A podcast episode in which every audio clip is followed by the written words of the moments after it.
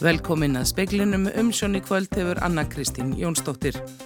Maður sem í dag var dæmdur í sexara fangilsi fyrir kynferðisbrót gegn stúlkum á grunnskólaaldri var handtekinn eftir tálbeitu aðgerði í nóvember.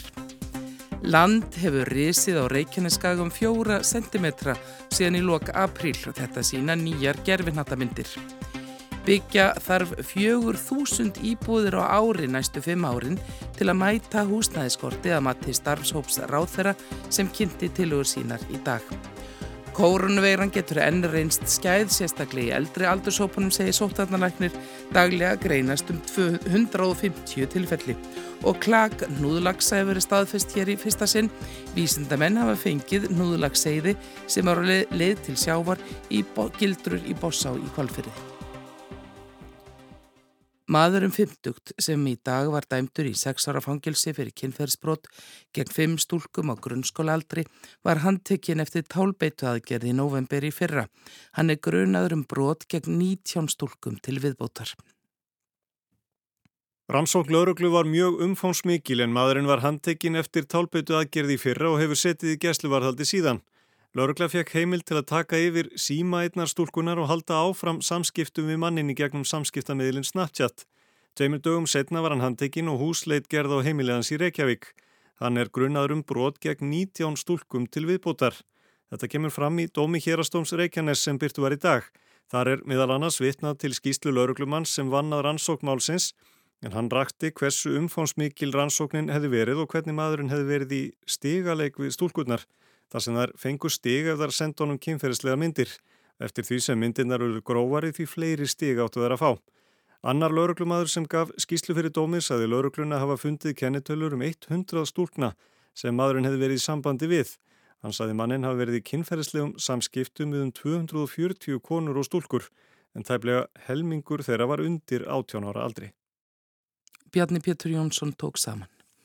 Landris í kringum Svartsengi á Reykjaneskaga frá 7. til 19. mæ nefnur 2 til 2,5 cm sangkvæmt gerfitungla mynd sem veðurstofan byrti í dag. Frá því 21. apríl hefur landris um 4 cm.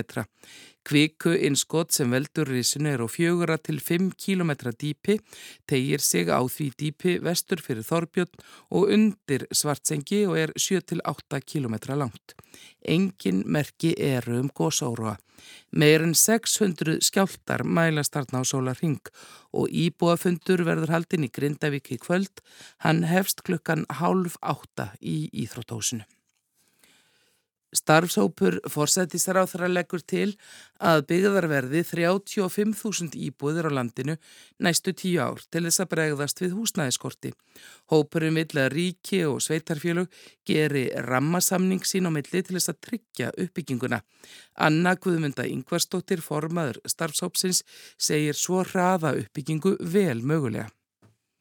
Við erum svolítið að fara að leggja upp með nýja nálgun í þessu sem að er að gera rammasamning millir ríkis og sveitufélaga til þess að tryggja uppbyggingu. Það þarf að byggja 35.000 íbúður á, á næstu tíu árum og við viljum að ríki og sveitufélag samanst um það að tryggja það frambóð.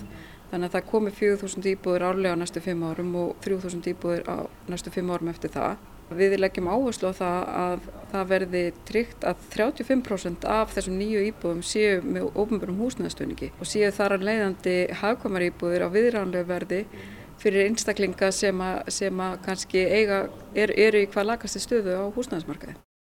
Sagði Anna Guðmynda Yngvarstóttir, nánar verður fjallað um þetta síðar í speklinum og þá rætt við Drífu Snædal, fórsetta Alþjóðsambands Íslands um tilögur um úrbættur í húsnæðismálum. Fórseti Finnlands vil ræða við Tyrki um evasemdir þeirra um umsóknir Finnlands og Svíþjóðar um aðvild að Allandsafsbandalæginu. Fórsetis ráð þeirra Svíþjóðar segir að ríkinn tvö muni ebla bandalægið. Magdalena Andersson, fórsetis á þeirra Svíþjóðar og Sálín í nýstu fórseti Finnlands eru nú í opinberri heimsókn í bandaríkunum. Joe Biden bandaríkjafórseti lísti fullum stuðningi við umsóknir ríkjana á sameiginlegum bladamannafundi. Það hefur Tyrklandsstjórn hins vegar ekki gert heldur sagstætlað beita neitunarvaldi. Tyrklands fórseti hefur sagt ríkin skjóta skjólsúsi yfir hriðuverkamenn. Nýni stöðsagði á bladamannafundunum að finnar ættu í góðu sambandi við Tyrki og að finnar berðust gegn hriðuverkum af hörku. We are open to discussing all the concerns. Turkey may have concerning our membership in an open and uh, constructive manner. These discussions have already taken place and they will continue in the next days. Nýnistu sagði Finna vilja opinskáar viðræður við Tyrki um áhegjur þeirra. Slíkar viðræður væru þegar farnar af stað og heldu áfram næstu daga. Andersson sagði aðild finna og svíja styrkja NATO. Ríkin byggju yfir upplugu varnarliði og berðust fyrir frelsi, líðræði og mannréttindum. Þórgnýr Einar Albertsson tók saman. Alþjóða veðurfræðistofnunin segir í skýslu sinni fyrir síðasta ár að þar komi fram enn eitt óhrekjanlegt merki neikvæðra áhrifa lofslagsbreytinga af mannavöldum. Elín Björk Jónastóttir, veðurfræðingur og veðurstofunni, segir að áfram bendi allar niðurstöður til þess að lofslagsbreytingar hafi mikil áhrif og mörg met hafi verið slegin loftslægunu í óhag í fyrra. Meðal annars hafði aldrei verið herri sjáastæða og, og súrtun sjáar er ennþá mjög mikil og síðan hefur sjáar yfirborð hækkað mjög mikil og auk þess sem að styrkur sjöð tveir í andrúslöfti er líka með allra mesta móti. Síðustu sjö ára, síðasta ári meðtöldu voru þau hlýjustu frá upphafi mælinga. Ósongatið á söðurskautunu náði 25 miljóna ferrkilometra stærði fyrra. Á hæstapunkti Grænlandsjökuls ringdi í fyrsta sinn síðan farið var að skrá þar úrkomu. Fellibillurinn Íta sem gekk á land í Louisiana í bandaríkjónum mæltist sá öflugasti sem þar hefur gengið á land. Mjög alvarleg flóðurði í Kína og í Vestur-Evrópu. Þurkar höfðu mikil áhrif víða um heim og í Kanada var til dæmis alltaf 40% minni framlegsla á kveiti en árið 2020. Elin Björk segir að loftslagsbreytingar bytni almennt vel langverst á þróunaríkjum og ríkjum sem ekki hafa tök á aðalaða sig þau sem eru hvað fátakust á jörðinni og hafa minnst til þess unnið að standa í því að takast á þessar afleðingar eru þau sem að standa langverst og verða langverst úti. Sagði Elin Björk Jónasdóttir við Þórdísi Arljótsdóttur. Sri Lanka fór í greiðslufall í fyrsta sinn á miðnætti þegar 30 dagar frestu til þess að greiða um 10 miljardar króna áborgunar rann út. Sæðlabankastjóri landsins sæði ómögulegt að greiða af skuldum ríkisins fyrir en lán hefðu verið endur fjármagnuð. Kreppan sem ríkir nú í Sri Lanka er svo versta í rúma 7 áratvíi. Kórunveiru faraldurinn lék hagkerfið grátt, orkuverð hefur hækkað mjög og skattalækkanin bitnað á ríkisjóði að því framkemur í umfjöldum breska ríkisútarsins. Daglega greinast um 150 kórunveiru tilfelli og enn er tölvert um smitt út í samfélaginu. Veiran getur enn reynst skæð sérstaklega eldri aldurshópunum, segir sótvarnaleknir. Þeim hefur fjölgað sem líkja á spítala með COVID-19 eru nýju en voru tveir í byrjun mæmánaðar. Þegar hámarki faraldur sinns var náð voru alls 88 á spítala með sjúkdóminn. En hvað skýrir þessa fjölgu nú? Þórólu Guðnarsson, sótvarnalæknir. Já, það er náttúrulega bara að það hefur verið, hafa verið heldur fleiri sem hafa verið með staðfesta síkingu núna undanfarið. Það er svona vilja 100 og 150 manns á dag og þetta er yfirlega þeir sem er að leggjast inn. Þetta er eldra fólk, fólk með undirlíkjandi vandamál og, og sem að, að fólir illa þessa COVID-síkingu. En séttöluvert af smiti út í samfélaginu og daglega greinist um 150 ný smitt. Já, það er ennþá smitt eh, sem betur fyrir eru við miklu, miklu vægari hjá þeim sem eru bólusettir og full bólusett og það sjáður líka upp á spítala að sjúkdómurinn er miklu vægari hjá þeim. Faraldrunum er því ekki lokið þó álægið á heilbreyðiskerfið hafi minkað. En veiran virðist alltaf að halda áfram og, og, og hérna, hversu lengi það veit maður svo sem ekki um. En þetta er náttúrulega allt miklu, miklu minna í sniðum heldur en var. Þannig að við erum, og það er náttúrulega þetta útbreyta ónæmi samfélagin sem að hjálpa okkur uh, með það að þetta er ekki meira útbreyta en það er. En það dögar þó til að, að það eru nokkra innlagnir sem á dag og, og sumir útskrifast. Þórólu segir bólusetningarnar hafi skilað ótvíraðum árangri. Já, já, en það er ekki nokkur vanum með það. Þetta hefur maður velja að bólusetningin hefði komið vekk fyrir smitt en hún gerir það ekki mjög vel, heldur kemur hún fyrst og fremst í vekk fyrir alvarleg veikindi og, og ég held að þessi nokkur ljóst að við var ekki með þessa útbreyttu bólusetningu sérstaklega hjá eldri aldursópunum þá varum við með miklu meiri veikindi og meiri innlagnir á spítalan þannig að, þannig að ég held að, að, að það sé nokkur ljóst í þessari stöðu sagði Þórólur Guðnason Sigurður Kæser rætti við hann.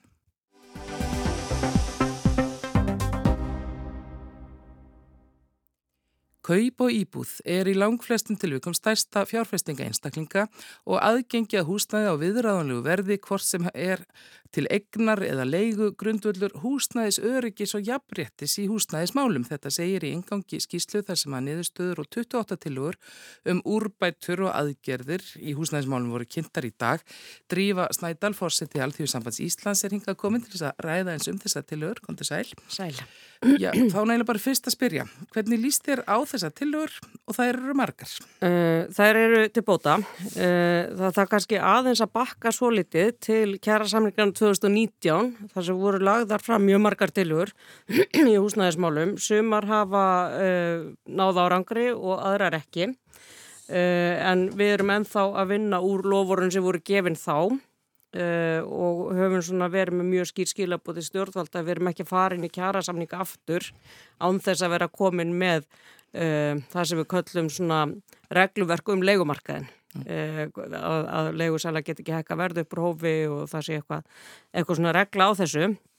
Þannig að það sem skiptur okkur rosalega miklu máli í, í þessu skjali sem var að koma og ekki síst yfirlýsingun sem hangi við skjalið að það er hérna lofórðum um hérna að endur sko húsnæðslögin með tilliti til, til lagnana 2019 og sem eru ítrekkaða núna um, og hérna að því að sko leyendu geta ekki beðið mikið lengur. Þetta er sko viðkomistu hópurinn leikumarkaðnum, uh, það er hérna, við erum að sjá leigufjölu fara inn á leikumarkað Uh, veði á hækkanir íbúðarhúsnæðis ætla ekki endilega verið þeirri starfsemi að reyka leigufjöla til áratöga, heldur ætla bara að svona, koma inn, soga át peninga og fara út.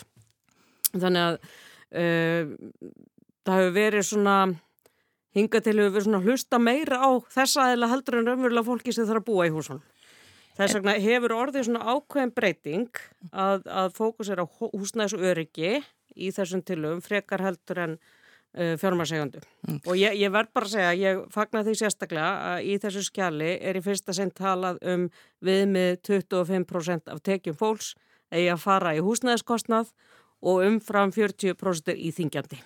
Það er náttúrulega, sko, kemur, er, er, er ekki nýsanindi en er tíunda þarna líka í mitt að, að byrði af húsnæðiskostnaði er náttúrulega meiri á leikumarkaðnum mm -hmm. en þannig talað um svolítið um það sem kalla almennar íbúður og þar sjá menn vonar, vonar glætu í þeim málum. Já og það er í rauninni gengið lengra í þessu heldur en hefur áður verið gengið að skilgreina það að fyrstulega hvað þarf að byggja margar íbúður á næstu árum sem eru 4000 íbúður ári og, og það er vannmatt ef við erum að sjá mikið influtu, influtu innflutningi á fólki um, en það er skilgreint sko að 30% af því eigi að fara í þessari almenna íbúður þessi svona óhagnað drifnu uh, félög sem er að byggja íbúður eins og bjarg og, og fleiri. Ég þannig, já, en er það raunhæft að ætla samt að það verði hægt að bæta í við, erum nú hérna áðan í, í aðstof fórstjóra húsnæðis og mannverkstofna sem tilur að þetta sé alveg raunhæft mm -hmm. en, mhm. en til þess þurfi áttak og það er líka verið svona eiginlega að setja fela sveitafélunum og ríkinu svona tækjum til þess að, að eiginlega setja þeim sem byggja húsin meiri skorður, er það ekki líka? Jú, einhver leitt er verið að gera það og svo er náttúrulega verið að reyna að einfalda kerfin og allt það uh, en, en það er alveg rétt sko að það sem við höfum lagt ofur áherslu á er sér sagt að, að hérna e, að þeir þeir eru ekki rétt herri á húsnæðismarkanu þeir sem ætla að byggja og græða heldur þeir sem ætla að búa. Og það hefur rauninni verið slagurinn um það núna, núna undanfarið Um, og, og við segjum að sko hérna leigufélagina í sjálfsvegar ekkert að koma mikið að því að móta húsnæðistefnu hérna á Íslandi það eru þeir sem eiga að búa í húsnæðum og eiga að njóta húsnæðisöryggis Það er náttúrulega lengur verið að tala um að það þurfi að horfa til lengri framtíðar mm -hmm. og langtíma sín í þessu öllu saman og talað um, um samning millir núna Ríkis og Sveitafélags og um húsnæðist áætlanir en enga síður er þetta náttúrulega mál sem við erum búin að, ég, það var að tala mjög mikið um húsnæðismálunum í kostingum í vor, mm. það var að tala mjög mikið um það í tíngkostingum í fyrra, það var að tala mjög mikið um þingkostingu fyrir fjórum árum og það er ekki svona eins og þetta sé nýtil komin. Nei, mm. alls ekki og, og hérna en við höfum átt í erfileikum með það undarfærin ára að áalla þörfina og í rauninni erum við, setjum við í þessari súpu núna því að það var mjög byggt, mikið byggt fyrir hrun, síðan kemur hrunnið og þá verður bara frost nánast. Þannig að við erum ennþá að reyna eh, að ná upp í uh, þá fækkun og þá húsnæðiskreppu sem var til þá að auki eru við komið mikið af influti vinnuafli. Fólki sem kemur á auðan eða, influtjandum uh, sem bara bætir í og það var ekki fyrir séð. Uh, þannig að núna eru við í þessari kreppu sem er bara að koma verst niður á, á hérna leyendum þeim sem eru að reyna að koma sér inn á húsnæðismarkaðin og svo maður heldur ekki gleyma hópnum sem er nýbúin að kaupa sér á lágum vöxtum og er núna að taka sko gríðarlegt högg með vakstahækkun. Þannig að það eru nokkru hópar sem við hefum skilgreint og það sem við komumst að raunum í þessari vinnu og hefur verið opibera áður í tengslu þessa vinnu er að sko húsnæðastöðningur eins og opibera fer meira til tekju hæstu hópana heldur en lágu millitekju hópana. Veist, það hefur færst til. Þannig að það er eitt af því sem við erum að fara, svo vinna sem við erum að fara í kjölfarið á þessari greiningu og þessu tilögum, það er að, að breyta þessum kurs að því að ríki á náttúrulega okkar skatt fyrir á náttúrulega ekki að fara í það að steyðja tekju hæstu hópana til þess að eignast meiri í húsnónu sínu sem þau búa nú þegar í heldur frekar að, að hérna, aðstofa fólk við að koma það ekki fyrir höfuð. Og hvað er þetta þá að hugsa um í þessu? Er þetta að hugsa um vakstabætur eða, sé, eða sérregnarspartnaðinn og, og það, þáraðstofun? Sko, húsnæðastöfningur hins og opibra hefur verið mjög mikið í útgreifslu mm. inn á lán. Uh, og þess vegna, og það gagnast hinn um tekju hæstu best og það er við að gera okkur grein fyrir núna Uh, síðan vorum við með vakstabótakerfi og erum sem, að einhverju hluta enn þó að það sé alveg pínulítið orðið. Uh, það er hins vegar svona kerfi sem að tekur tillit til hvað þú átt, hvað þú skuldar, hvað ertu með tekjur. Þannig að það sé hægt að beina stuðningu þanga sem hans er þörf og það skiptir náttúrulega mjög miklu máli. Hins vegar áherslan í þessari vinnu er náttúrulega hvernig hægt er að tryggja auki frambúð og við lendum alltaf þar. Það er alltaf frambúð skortur á húsnæði og hver, hverjum sko um, hverjir koma verst út úr því það er fólk í neyð sem þarf þá að greiða miklu hær í húsalegu uh, heldur en aður mm. og húsnæðskostna. En er ekki svolítið erfitt þegar það er að tala um, sko það tala um staðunað stuðningskerfi sem mm. þú ert að, að vísa til hérna mm. núna og það segir sko, já það þarf að vera stöðugt en þá líka að vera dýnamíst sko -hmm. þannig að það er nú kannski stundum svolítið erfitt að, að ná því saman. Já uh, og auðvita er það uh, það sem skiptir greiðlegu máli það er fyrir sjáhanleikin í húsnæðskostnaði að þú hafir eitthvað fast land undir fótum uh, þannig að þú veitir uh, hérna hver leiganverður, hver útgöldi verða og svo framvegs. Við hér á Íslandi erum frekar lít kunnug því, við höfum það rendar með svona þessu verðtriðu lánum þar sem sko hérna la, svona höfustólinn hækkaði frekar heldur en að útgjöld hvers mánaðar hækkuðu. Við vorum að vonast til að vera komin inn í svona stöðut lágastar umhverfi þegar COVID og, og stríðskall á. Þannig að þetta er auðvitað stöðugt hérna stöðut viðfársefni. Það sem hefur virkað undanfærin ár er uppbygging almennar íbúða. Það sem fólk veit að það á uh, örugt húsaskjól, þó það séu legumarkaði Uh, og þess vegna er það sérstaklega ánægilegt og viðkenning í þessu tilhugum að það er eitthvað sem uh, ber að byggja á áfram til framtíðar. Nú voru þið þáttakandur í þessum tilhugum og, og þær eru komna fram og þó að það sé kannski ekki alveg komið hvað verður gert með þær mm. en uh, mikið var talað um húsnaði og aðkomu þessu ofinbera í síðustu kjærasamningum verður það jafn mikið núna næst samið verður? Ég sko við erum í þeirri stöðu að við getum ekki klárað kjærasamninga upp á einhver lofur lengur í húsnæðismálum við verðum að sjá eitthvað áður en kemur til þess að loka næstu kjærasamningum því annað er ekki trúverðugt. Við erum enþá að vinna tilugum frá 2019. Og er þetta eitthvað sem að gæti orðið til þess að litka fyrir? Já, ef að við förum inn í uh, húsalegu lögin og, og gerum uh, reynverulega viður kennum að leigu sali og leiðandi standa ekki í apfætis og það þarf að verja leiðandur sérstaklega, kakvart uh, húsalegu verði og, og, og hérna, uppsögnum og og endur nýjun, nýjun hérna húsalegu samninga og svo framvegs. En við förum í þá vinnu og hún ber árangum fyrir kjæra samninga að þá skiptir það máluðin í kjæra samninga. Þetta voru marga, marga tilugur sem er, eru svona kannski svolítið skriffinskulegar, ef svo mætti segja. Já. Getur þú tekið undir það? Já, ég get tekið undir það og auðvitað hérna var svona, þú veist, veldu upp hérna í nefndinni að, að svona af skriffinsku væða þetta og við náðum tölvurum árangrið þar og og hérna þau sem sátu þessari nefnd fyrir hönd vinnandi fólks eða róskilið eh, að því sögðu að þá höfðu nefnilega vilja að sjá ganga mikið lengra að sjálfsögðu. Eh, en hérna það sem skiptir okkur máli er eh, hvernig framvindur hvort að við náum árangri áður en sestur og samningaborðin raunverulega í höst að því að það skiptir öllu máli fyrir launafólk.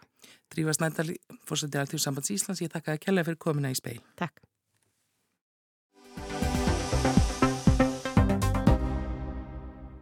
Og þá að allt öðru, núðlags sást fyrst á Íslandi fyrir umlega 60 árum og hann hefur fjölgað mjög á undanföllnum árum og í fyrra veitust fleiri núðlagsar en nokkru sinni, mest bara á honum jám fyrir austanum, 50 slíkir veitust í tveimur ám á norð-austurlandi síðastlið sumar.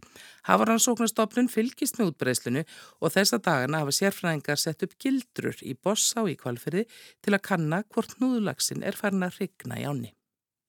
Við erum stöttið í kvalferðinu með Guðuna Guðbergsinni sviðstjóra hjá Hafrannsóknarstofnun. Þið eru að skoða seiði, núðlagsa seiði. Já, það er rétt. Núðlags hefur verið að sjást á Íslandi í auknumæli núna á síðustu árum.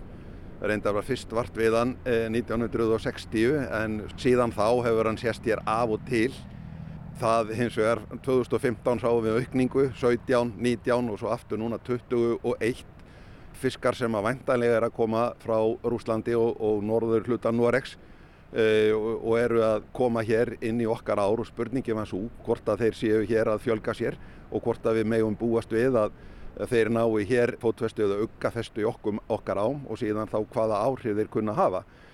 Við höfum verið í samstarfi við kollega frá Pólandi og, og Breitlandsegjum mitt í þessum rannsóknum og þeir hafðu þekking ákveðni á að veiða núlagsaseiði og Við reyndar rendum svolítið blind í það hvenar þau væri á að ganga og hvar og settum hér gildurur í Botsá í fyrra dag og í gær okkur til bæði fyrðu ánægu og þá veitum við 170 núlagsa seiði sem er að ganga niður. Við veitum líka þannig að það er búið að staðfesta það að núlags hefur ringt hér í, í, í Botsá, hrognin hafa klekist út, seiðin hafa lifað af og þau eru núna leðinni til sjávar.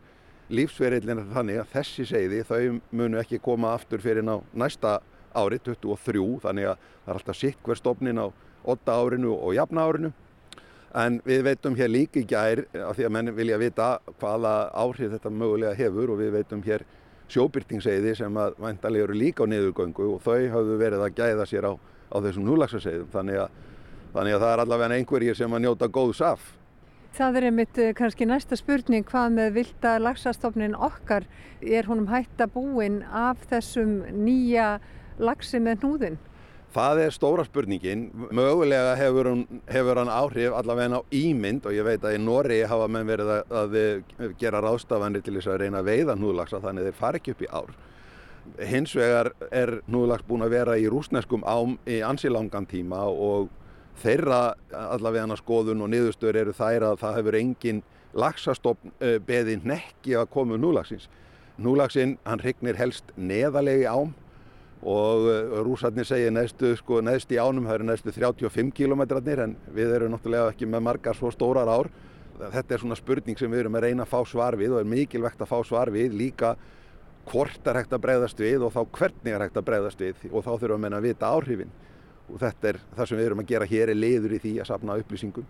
En það er sem sagt staðrendi eina stóra fréttin í þessu núna er svo að núðlagsin er búin að hrigna á Íslandi, hann er komin í árnar og nú er hann bara ganga til sjávar eins og félagur hans eh, af vildum íslenskum lagsastofni. Nákvæmlega, þegar voru gemur þá kviknar allt líf og, og leitar til sjávara í fæðileit og, og það er nákvæmlega það sem er að gerast hér að við erum búin að sjá það að hann er búin að loka sínum lífsverðli og vantanlega komin til með að vera en það er eitthvað sem að framtíðin á eftir að, að sína okkur hvernig gerist en Hnúðlaxin hefur verið að auka útbreyslu sína söður eftir Allandsafinu, söður með ströndum Noregs og til Breitlandsæja og, og hinga til Íslands og, og þeir eru farnir að sjást líka í ámi í, í Kanada.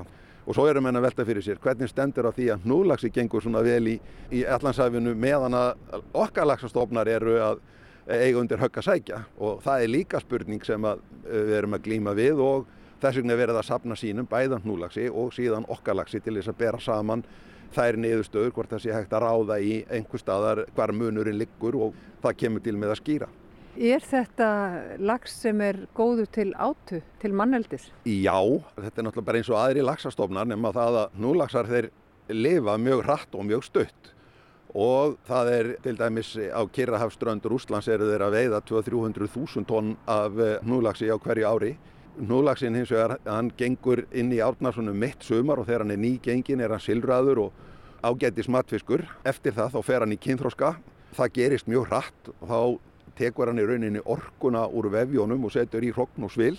Allur núlagsinn, hann drefst að lokinni hrigningu og einlega leysist upp í ánni þannig að eftir hann er komin í átnar þá tapar hann matgæðum sínum mjög hratt en nýgengin er hann hinn ágætasti matur. En hvernig er lífsferill hans miða við vildalagsin okkur? Okkar lags, það er svipað, hann gengur inn í átnara vori, hrygnir að hösti einhver tíman í, í oktober, november. Síðan gleggjast seiðin, eða hrognin út að vori og seiðin hjá okkar lagsi eru 2-5 ári áni og vaksa upp í svona 11 til 13 cm stærð áður en þeir ganga niður á vori og er einmitt að ganga niður á þessum tíma úr ám hérna söðu vestanlands.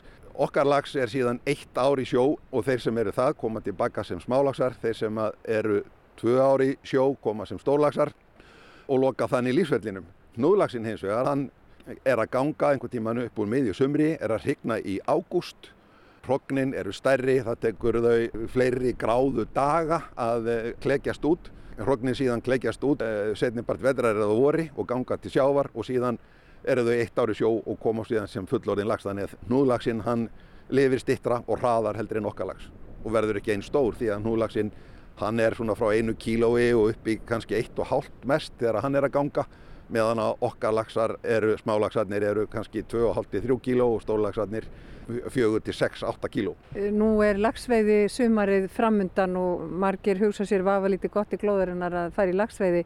Er ástæði til að hafa áhyggjur af íslenska lagsastofnunum gagvart þessum nýbúa, ef það má orða hnúðlagsin svo? Það ég held að sé ástæði til þess að allavega velta þeirri spurningu upp, reyna að sapna eins mikið af upplýsingum eins og við getum, þannig að við getum svara þeirri spurningu að fullnustu. Reynslan í Rúslandi hefur reyndar verið svo að þeir hafa ekki miklar áhyggjur. Þetta getur haft áhrif á ímynd og það er kannski munur á því hvort það komi nokkri hnúðlagsar eða hvort að þeir koma í hundruðum eða þúsundum og ég veit að norskir stanguði menn, þeim líkar ekki vel að sjá mikið að núlegsi, þeir telja það sé að tröfla þá og hafi þá áhrif á ímynd.